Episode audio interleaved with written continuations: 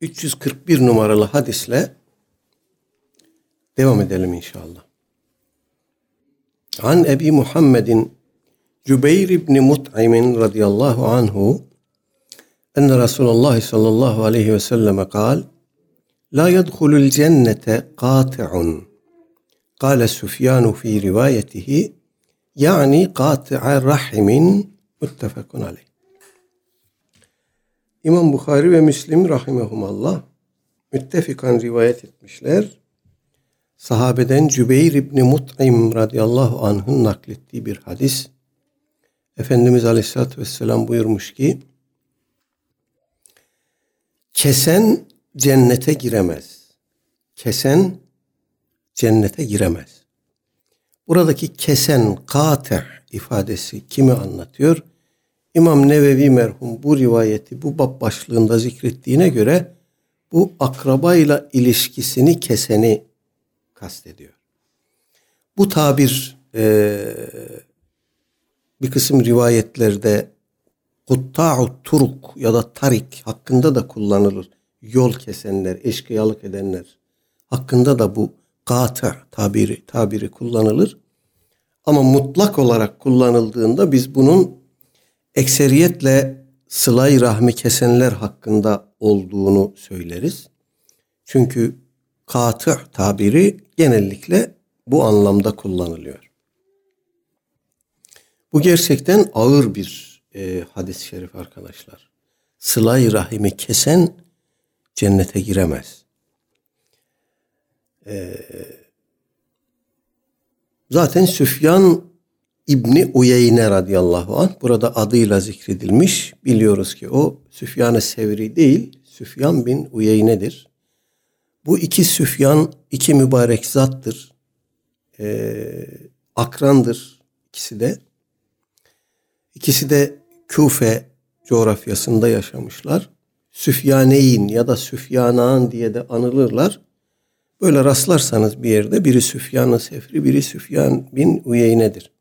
O diyor ki buradaki katı kelimesinden maksat katı rahimdir. Yani sılay rahimi kesen akrabasıyla münasebetini, alakasını kesen, onlarla ilgilenmez hale gelen insanlardır. Ulema bu hadis-i şerif acaba gerçekten e, kafirler için e, olduğunu bildiğimiz cehennem azabını mı kastediyor? Yoksa daha başka bir açıklaması var mıdır diye düşünmüşler. Ee, ve demişler ki sıla rahim yapmak Allah Teala'nın bir emridir. Bu bir emri ilahidir. Bu başlık altında hatırlıyorum ben okuduğumuz hadis-i şerifler arasında akrabayla münasebeti kesmenin kebairden olduğunu ifadeye koyan hadisler vardı. Akrabayla münasebeti kesmek büyük günahlardandır. Ee, bu hükmü veren hadis-i şerifler vardı. Bir kimse akrabayla münasebetini keserken bunu helal bir fiil olarak yaparsa o kimse kafir olur. Allah korusun. Çünkü Cenab-ı Hakk'ın Kur'an'da emirleri var. Efendimiz Aleyhisselatü Vesselam'ın çok açık ifadeli hadis-i şerifleri var. Akrabayla münasebeti mübah sayarak, helal sayarak, caiz sayarak keserse bir kimse bu ayet ve hadislere muhalefet etmiş olur. Ulemanın hükmü çok açık. Bu kimse kafir olur diyorlar. Tabi burada bir kısım detaylara e, girmek lazım. Daha evvelki hadis-i şerifler bağlamında bu detaylara girmiştik. Akrabayla münasebetin ölçüsü hangi akrabayla e, ne ölçüde tutulmalıdır? Akrabamız İslam düşmanı birisi ise bunun için de bu hüküm geçerli midir? Hak yiyen, hukuk yiyen, kul hakkına tecavüz eden ve bunda bir beis görmeyen bir akraba varsa bununla münasebetle bu hadis-i şeriflerin hükmüne girer mi? Hayır bu detayları daha evvelki derslerde dile getirmiştik. Ee, Şer-i Şerif'in, Kur'an ve sünnetin tolere ettiği bir fiil söz konusu değilse, Kur'an ve sünnete muhalefet açık biçimde söz konusuysa ve bu mübah görülerek yapılıyorsa o akrabayla münasebet belki benim kapım açıktır ama ben sana gelmem noktasına kadar geriletilebilir. Biz kapıyı kapatmayalım. Bizim herkes için söyleyecek sözümüz olsun. Efendim, e, bizden kendilerine bir kötülük ulaşmayacağına itminanları olsun. Kapımız açık olsun. Onun dışındaki şeyleri İslam'a zarar vermeyi hayat tarzı haline getirmiş insanlara karşı sıla rahim mükellefiyetleri tabii ki geçerli değil.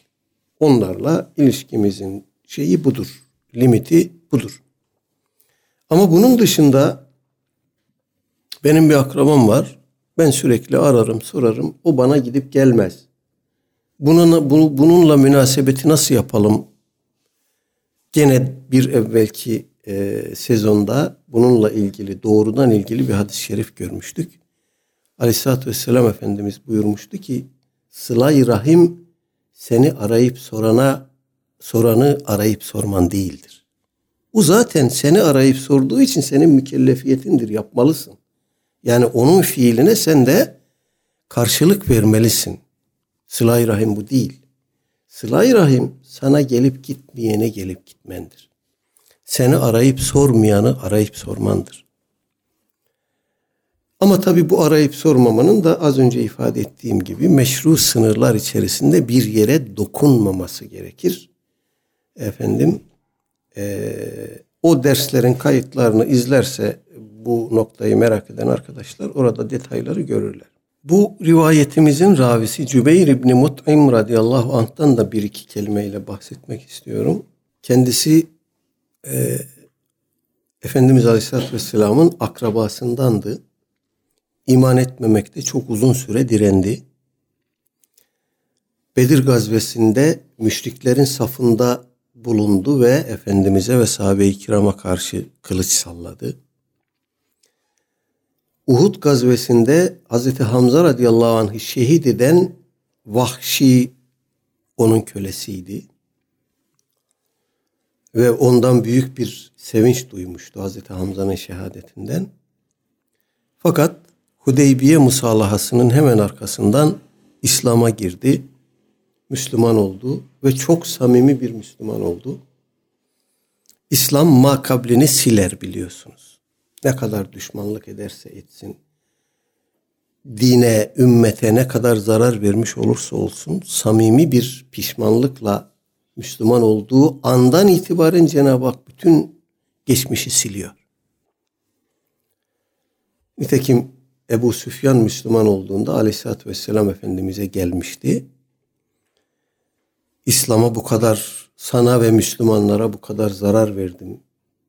Benim bu geçmişim ne olacak diye sorduğunda Efendimiz ona İslam geçmişi siler diye cevap vermişti.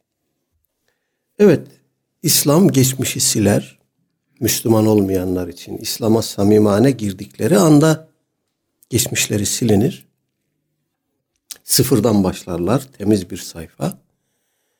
Tövbe ve istiğfar da günahkar müminler için geçmişin silinmesi anlamına gelir. Bu anlamda Cenab-ı Hak e, bizi affetmek için hayatımıza belki de hiç farkında olamayacağımız kadar çok fırsat koymuş. Yerine getirme e, cehdinde bulunduğumuz her bir bireysel mükellefiyet namazımız, orucumuz, tasaddukumuz, bir kardeşimizin hatırını sormamız, birine güler yüz göstermemiz bile bizim geçmiş günahlarımızın silinmesine vesile oluyor. Daha evvel de söylemiştim. Hadis olarak belki halk arasında çokça dolanır ama aslını ben bulamadım. Ee, hiç ölmeyecekmişsin gibi dünyaya çalış, yarın ölecekmişsin gibi ahirete çalış. Çokça dolaşır halk arasında bu söz. Ya bu kalıpta bir hadis-i şerif görmedim, bulamadım ben ama bu sözün ifade ettiği şeyi anlatan hadis-i şerifler var. Efendim. Ee, ve insanın aklına da geliyor. Hiç ölmeyecekmiş gibi dünyaya çalışırken yarın ölecekmiş gibi ahirete nasıl çalışır ki bir insan? Ya da yarın ölecekmiş gibi ahirete hazırlanma durumundaki bir insan hiç ölmeyecekmiş gibi dünyaya nasıl çalışır? İşte aradaki bu e, vesileleri dikkate aldığımızda bu soru kendiliğinden cevaplanıyor. Niyetül mümin hayrun min amelihi buyurmuş Efendimiz Aleyhisselatü Vesselam. Niyetimizi kontrol ederek bir kardeşimizin hatırını sormamız, ona güler yüz göstermemiz, tanımadığımız bir insana yolda geçerken selam vermemiz, bir meclise girdik oraya selam vermemiz bile günahlarımızın affına vesile oluyor. Beş vakit namaz öyle, cuma namazları öyle, Ramazan-ı Şerif öyle, hac mebrur, makbul bir hac bütün ömrün geçmiş günahlarını siliyor. Dolayısıyla bu tür vesileleri e, iyi değerlendirmek lazım. Evet işte Cübeyr İbni Mut'im radıyallahu anh da böyle bir sahabiydi. Ee, İslam'ı çok güzel oldu. Müslümanlıkta çok ileri e, derecelere ulaştı. Efendim Allah ondan da diğer sahabe-i kiramdan da razı olsun. Bu hadis-i şerifin ifade ettiği anlam konusunda bir başka tevil daha var. O da şöyle. Eğer bir kimse helal saymaksızın akrabasıyla münasebetini keserse yani mümin bir kimse böyle bir günah işlerse bu kimse eğer affa mazhar olamamışsa e, o günahının cezasını cehennemde çekecek. Dolayısıyla akrabayla münasebeti kesmemiş olanların cennete girmesinden kim bilir Cenab-ı Hak bilir ne kadar zaman sonra cehennemde o cezayı çektikten sonra girecek demektir. Dolayısıyla hadis-i şerifin manası şöyle oluyor.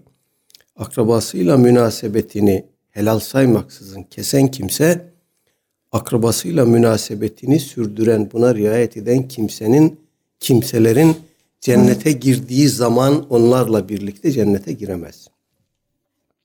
İkinci bir anlam da böyle e, ifade edilmiş. Bu çerçevede ilginç bir hadis-i şerife de rastladım ben. İmam Ebu Davud, İmam Tirmizi, İmam İbn Mace rahimehumullah rivayet etmişler. Aleyhisselatü Vesselam Efendimiz buyurmuş ki ahirette cezasını ayrıca vermekle beraber dünyada Allah Teala'nın çabucak cezalandırmasını en fazla hak eden günahlar zulüm bir de akrabasını ihmal etmektir. Gerçekten çok çarpıcı bir hadis-i şerif. Bunun tam tersi de daha belki hadis-i şeriflerde görmüştük. Akrabayla münasebetini devam ettiren insan dünyadaki rızkı çoğalıyor, hayatı genişliyor. Cenab-ı Hak ondan bir kısım belaları savuyor.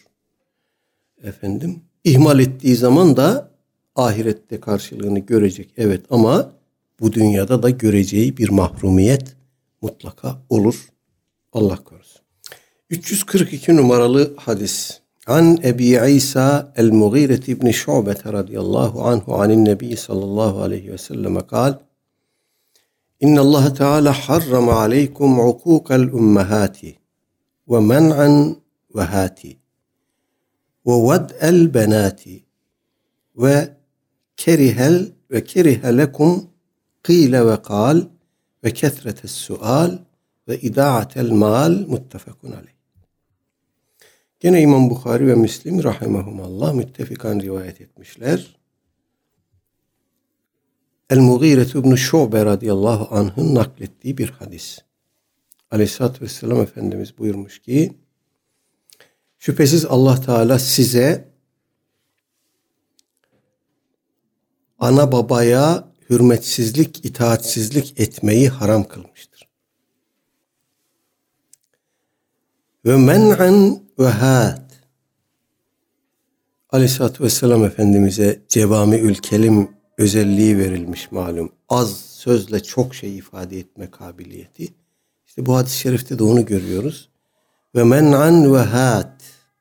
İki kelime ama biz bunu iki kelimeyle tercüme edemiyoruz. Men'an bir yere yapması gereken bir harcamayı yapmayan, zekat vermesi gerekirken vermeyen, infak tasaddukta bulunabilecek durumdayken bulunmayan, efendim kimseleri anlatırken hat kelimesi ise hakkı olmadığı halde isteyen, birilerinden bir şey isteyen, dilencilik yapan, aslında ihtiyacı çok da yok. Zekat alması caiz değil ama zekat isteyen, efendim dünyalık edinmek için böyle kendisini itibarsızlaştıran kimselere anlatıyor. Cenab-ı Hak bunu haram kılmıştır. Ve el benat hadis-i şerifin e, metninde altı unsur sayılmış arkadaşlar. Bunlardan üçünün haram olduğunu Efendimiz ifade ediyor. İlk üçünün, son üçünün de Cenab-ı Hak tarafından mekruh kılındığını, çirkin bir fiil olarak ifade buyurulduğunu anlatıyor. Haram kılınanlardan birisi ana babaya itaatsizlik etmek, onların hukukuna riayetsizlik etmek. İkincisi men'an ve hat kelimesinin izahında anlattığımız durum. Üçüncüsü de ve ved el benat kız çocuklarını diri diri gömmek. Bunu da haram kılmış Cenab-ı Hak. Bu biliyorsunuz cahiliye döneminde e, özellikle bir e, ailenin ilk çocuğu kız olursa bunu gurur vesilesi yapıyor müşrikler.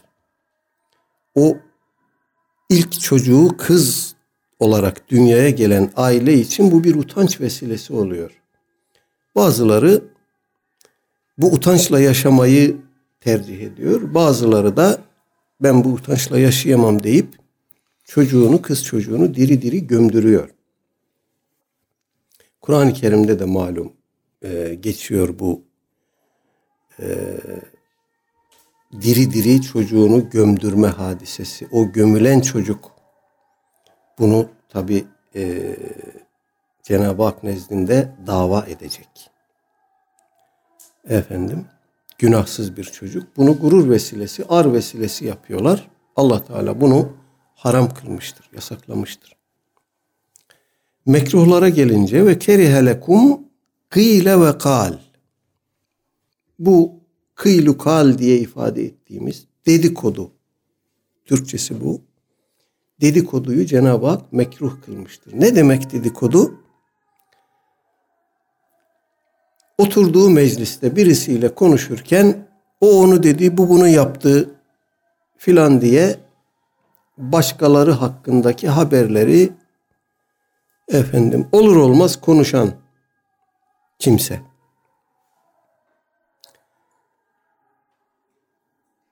birisinin aleyhine konuşursa ve o konuştuğu şey o konuştuğu kimsede yoksa bu iftira oluyor. Öbür türlü gıybet oluyor. Fakat burada sadece birilerinin eksiğini, açığını konuşmak değil, daha genel bir şey kastediliyor. Konuştuğunuz şey fuzuli kelam yani. Dedikodudan kasıt, buradaki dedikodudan kasıt fuzuli kelam, yersiz söz. Gerek yok. ihtiyaç yok. Efendim e, incir çekirdeğini doldurmayacak derecede anlamsız, faydasız çok söz konuşmak. Gevezelik etmek. Cenab-ı Hak bundan hoşlanmıyor. Dolayısıyla daha evvel de muhtelif vesilelerle dile getirmiştik. Ee, Aleyhisselatü Vesselam Efendimiz buyuruyor ya Men amene billahi vel yevmil ahiri felyekul hayran ev liyasmut. Uzun bir hadis-i şerifin son fıkrası Allah'a ve ahiret gününe iman eden kimse ya hayır konuşsun ya da konuşmasın. Sussun, dilini tutsun.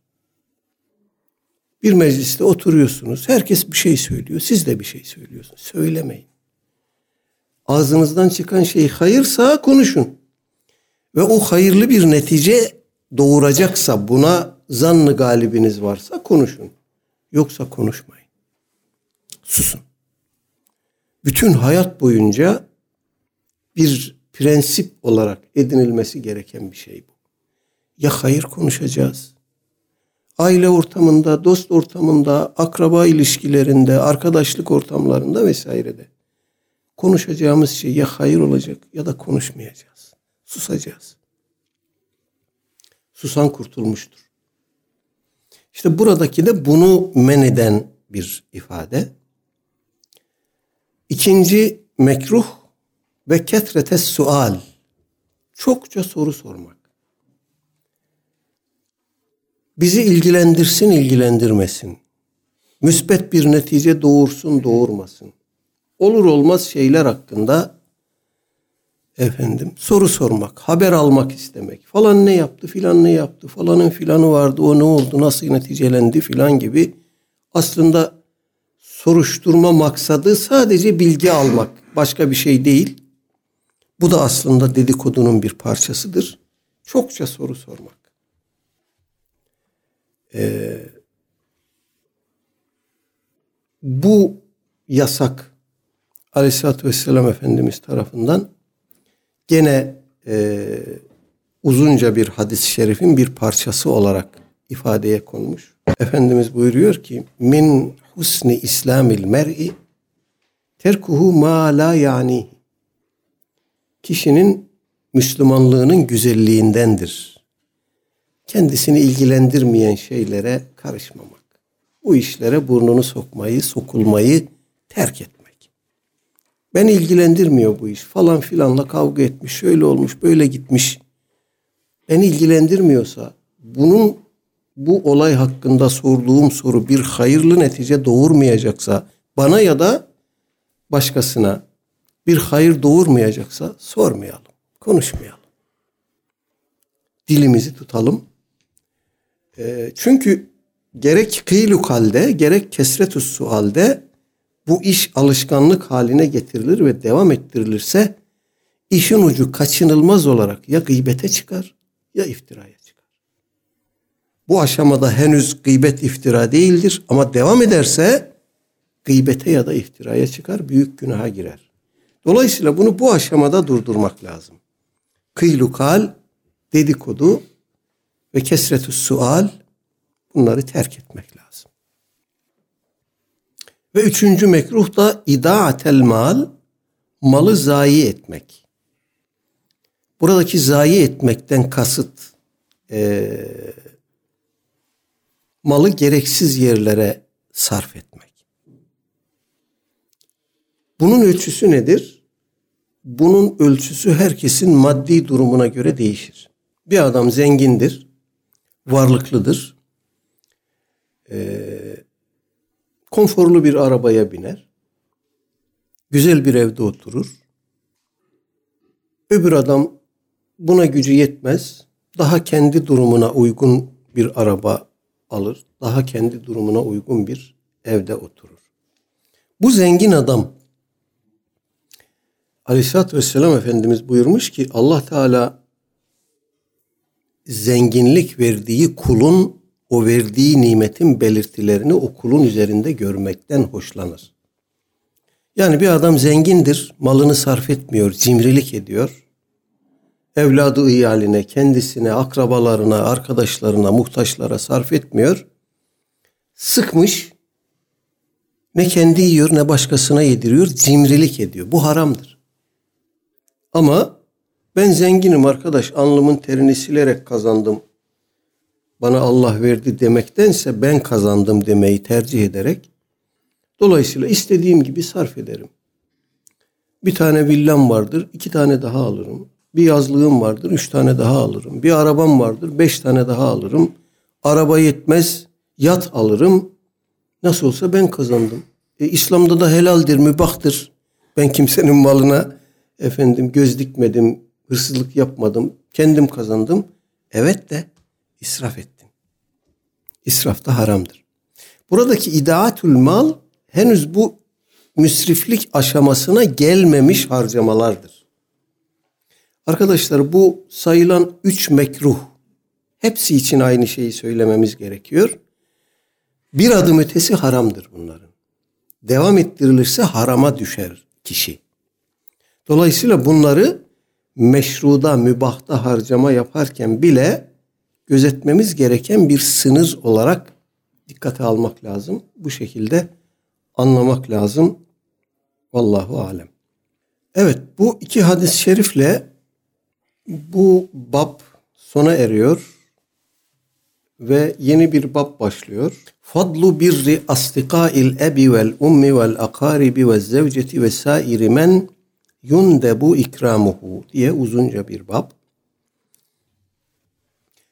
Babanın, annenin, akrabaların, eşin ve kendisine ikram etmek mendup olan sair kimselerin e, münasebeti devam ettirmek adına bunlara bir göstermek, bunlara iyilik etmek, bunun faziletiyle ilgili bir bab. Başlık hakikaten çok enteresan. Anaya, babaya, eşe, akrabaya değil. Ananın dostlarına, arkadaşlarına, babanın dostlarına, arkadaşlarına efendim ee, eşin akrabasına, arkadaşına, dostlarına ikramda bulunmak. Bunun fazileti. 343 numaralı e, bir hadis-i şerif var. Uzunca bir hadis-i şerif. İmam Nevevi merhum bu bab altında bir ayet zikretmemiş. Fakat uzunca bir hadis var. Daha doğrusu bir hadisin üç versiyonu var. Efendim onu zikretmeyi başlangıç olarak uygun görmüş. Biz de okuyalım. An İbni Ömer radıyallahu anhuma ennen nebiye sallallahu aleyhi ve selleme kal eberrul birri en yasıler raculu vudde ebihi. Ve an Abdullah ibn Dinarin an Abdullah ibn Ömer radıyallahu anhuma enne raculen minel a'rabi lakiyehu bi tariki Mekke. فسلم عليه عبد الله بن عمر وحمله على حمار كان يركبه وأعطاه عمامة كانت على رأسه قال ابن دينار فقلنا له أصلحك الله إنهم الأعراب وهم يرضون باليسير فقال عبد الله بن عمر رضي الله عنهما إن أبا هذا كان ودا لعمر بن الخطاب رضي الله عنه وإني سمعت رسول الله صلى الله عليه وسلم يقول إن أبر البر صلة الرجل أهل ود أبيه. وفي رواية عن ابن دينار عن ابن عمر رضي الله عنهما أنه كان إذا خرج إلى مكة كان له حمار يتروح عليه إذا مل ركوب الراحلة. وعمامة يشد بها رأسه. فبين هو يوما على ذلك الحمار إذ مر به أعرابي فقال ألست فلان ابن فلان؟ قال بلى. فأعطاه الحمار فقال اركب هذا وأعطاه العمامة وقال اشتد بها رأسك.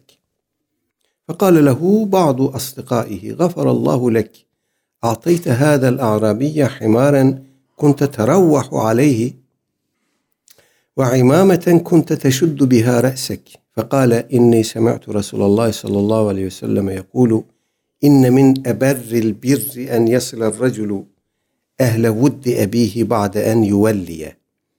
Ve inne ebahu kâne sadikan li Umar radıyallahu anhuma.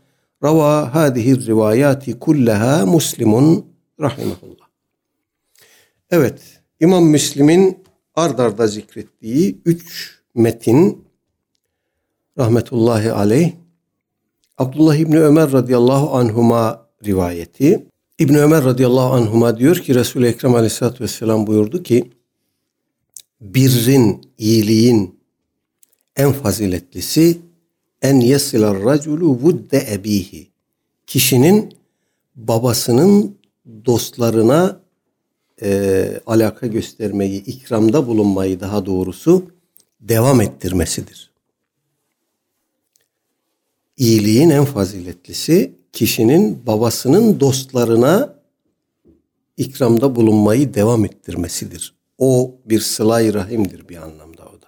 Efendim ikinci metin Abdullah İbni Dinar tabiundan o naklediyor. Diyor ki enne raculen minel a'rabi laqiyahu bi tariki Mekke'te. Abdullah İbni Ömer radıyallahu anhuma Mekke'ye giderken bir bedeviye rastladı yolda. Feselleme aleyhi Abdullah İbni Ömer. Adama selam verdi. Demek hep beraber gidiyorlar. Yolda bir bedeviye rastlıyorlar ve İbni Ömer radıyallahu anhuma adama selam veriyor. Ve hamalehu ala himarin kâne yerkebuhu.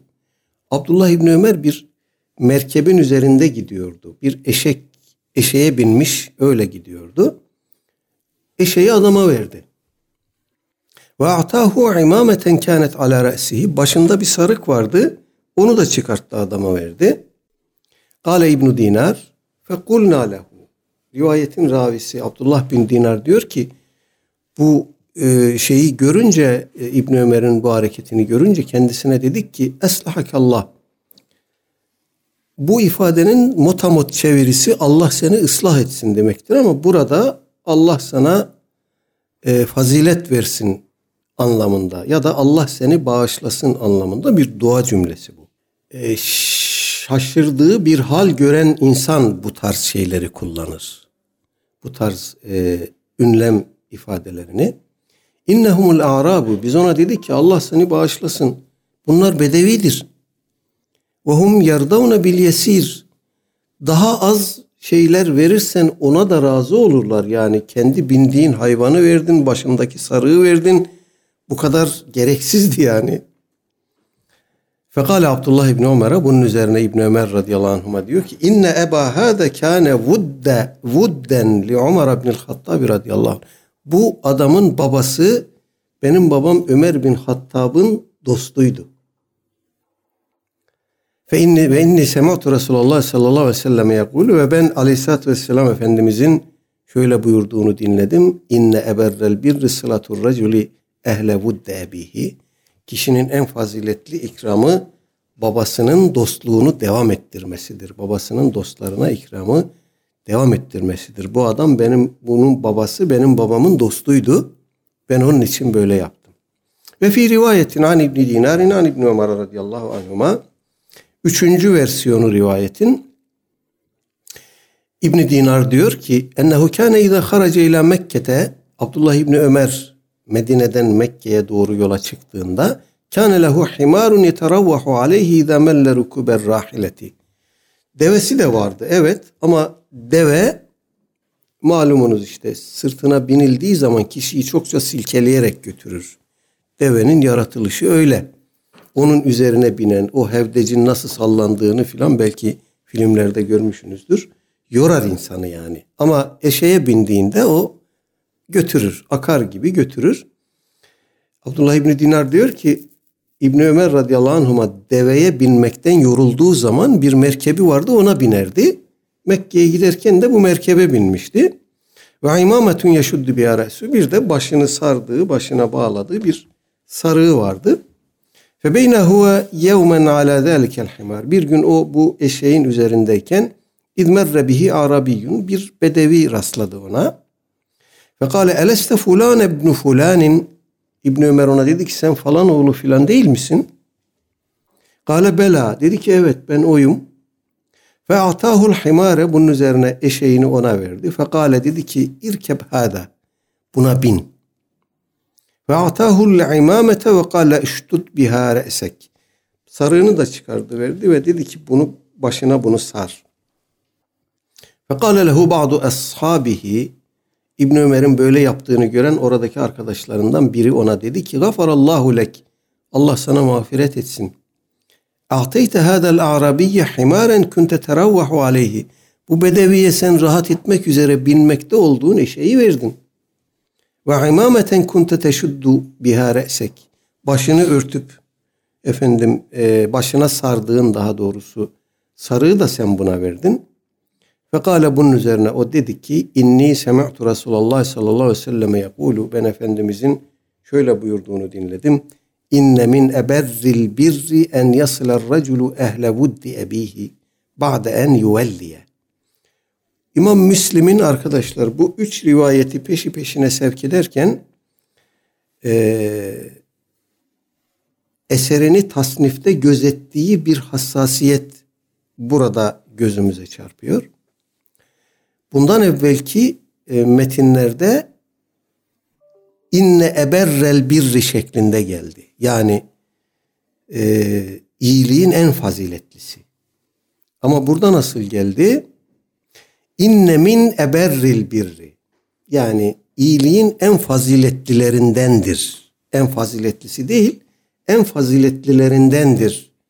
En yasılar raculu ehle vuddi ebihi. Kişinin babasının dostlarına yaptığı iyiliği babası öldükten sonra onlara devam ettirmesidir. Efendim. Ee, Ba'de en yuvelliye babası öldükten sonra onun dostlarına iyiliği, ikramı devam ettirmesidir. Buyurduğunu dinledim. Ve inne ebahu kâne sadikan li Umar ibnil Hattabi radıyallahu anhu. Bu adamın babası Hazreti Ömer radıyallahu anh'ın arkadaşı idi diyor ee, İbn Ömer radıyallahu anhuma. Arkadaşlar bu rivayet üzerine söyleyecek çok söz var. Yani e, vakit doldu çok uzatmak istemiyorum ama bir şeyler söylemeden de kapatamayacağım bunu hakkınızı helal edin. Yani kişinin sadece kendi dostları, ahbapları, arkadaşları değil, akrabaları değil, babasının, anasının, eşinin ahbapları, dostları bile efendim hukuku, muhabbeti gözetilmesi gereken, ikame edilmesi gerekenler arasında bulunuyor. Bu arkadaşlar başka hiçbir dinde, hiçbir kültürde, hiçbir toplumsal yapıda, sosyolojide göremeyeceğimiz bir şeydir. Bizim toplumumuz bunu yaşardı biliyor musunuz? Ee, ben küçükken rahmetli babam biz şehirde Sarıkamış'ta oturuyoruz. Kars'ın Sarıkamış ilçesinde ikamet ediyoruz. Akraba taallukat köyde. Köyden birisi geldiği zaman mutlaka bizim eve uğrar. Babamla sohbet ederler. Hoş beşten sonra babam sorar. Falan bir komşu vardı o ne oldu ne yaptı? Durumu nasıl? Falan oğlu filan bir kaza geçirmişti. İyileşti mi ne oldu? Filanın oğlu rahatsızdı. İyileşti mi nasıl oldu filan diye ben kulağım bu tür şeylerle doludur. O kadar sorardı, sorardı, sorardı. Bütün köyü tanıyor. Ben önce şuna şaşardım yani meselenin öbür yönünü ya yani bu yönünü daha doğrusu bilemediğim için küçükken şuna şaşırırdım. Babam bu kadar ismi hafızasında nasıl tutuyor? Sorardı filan oğlu falan, falan oğlu filan, evleri şuradaydı ya şöyle oldu böyle gitti filan. Şaşırırdım bu kadar ismi bu kadar hafızasında nasıl tutuyor? Bu kadar insanı bu kadar yakından nasıl tanıyor? Buna şaşardım. Şaşmam gereken bu değilmiş. Şaşmam gereken bu insanların hatırını her seferinde sormasıymış. Halini, ahvalini sormasıymış. Bunu ben yaşadım, gördüm. Fakat e, ondan sonra da yani o kuşak çekilip gittikten sonra da bu meziyet maalesef bitti arkadaşlar. Belki vardır bu meziyeti yaşatan vardır. Ama sayılarının bir hayli azalmış olduğunu söylemek yanlış olmayacak. Bunu yaşatmak lazım. İleride yine enteresan hadis-i şerifler gelecek.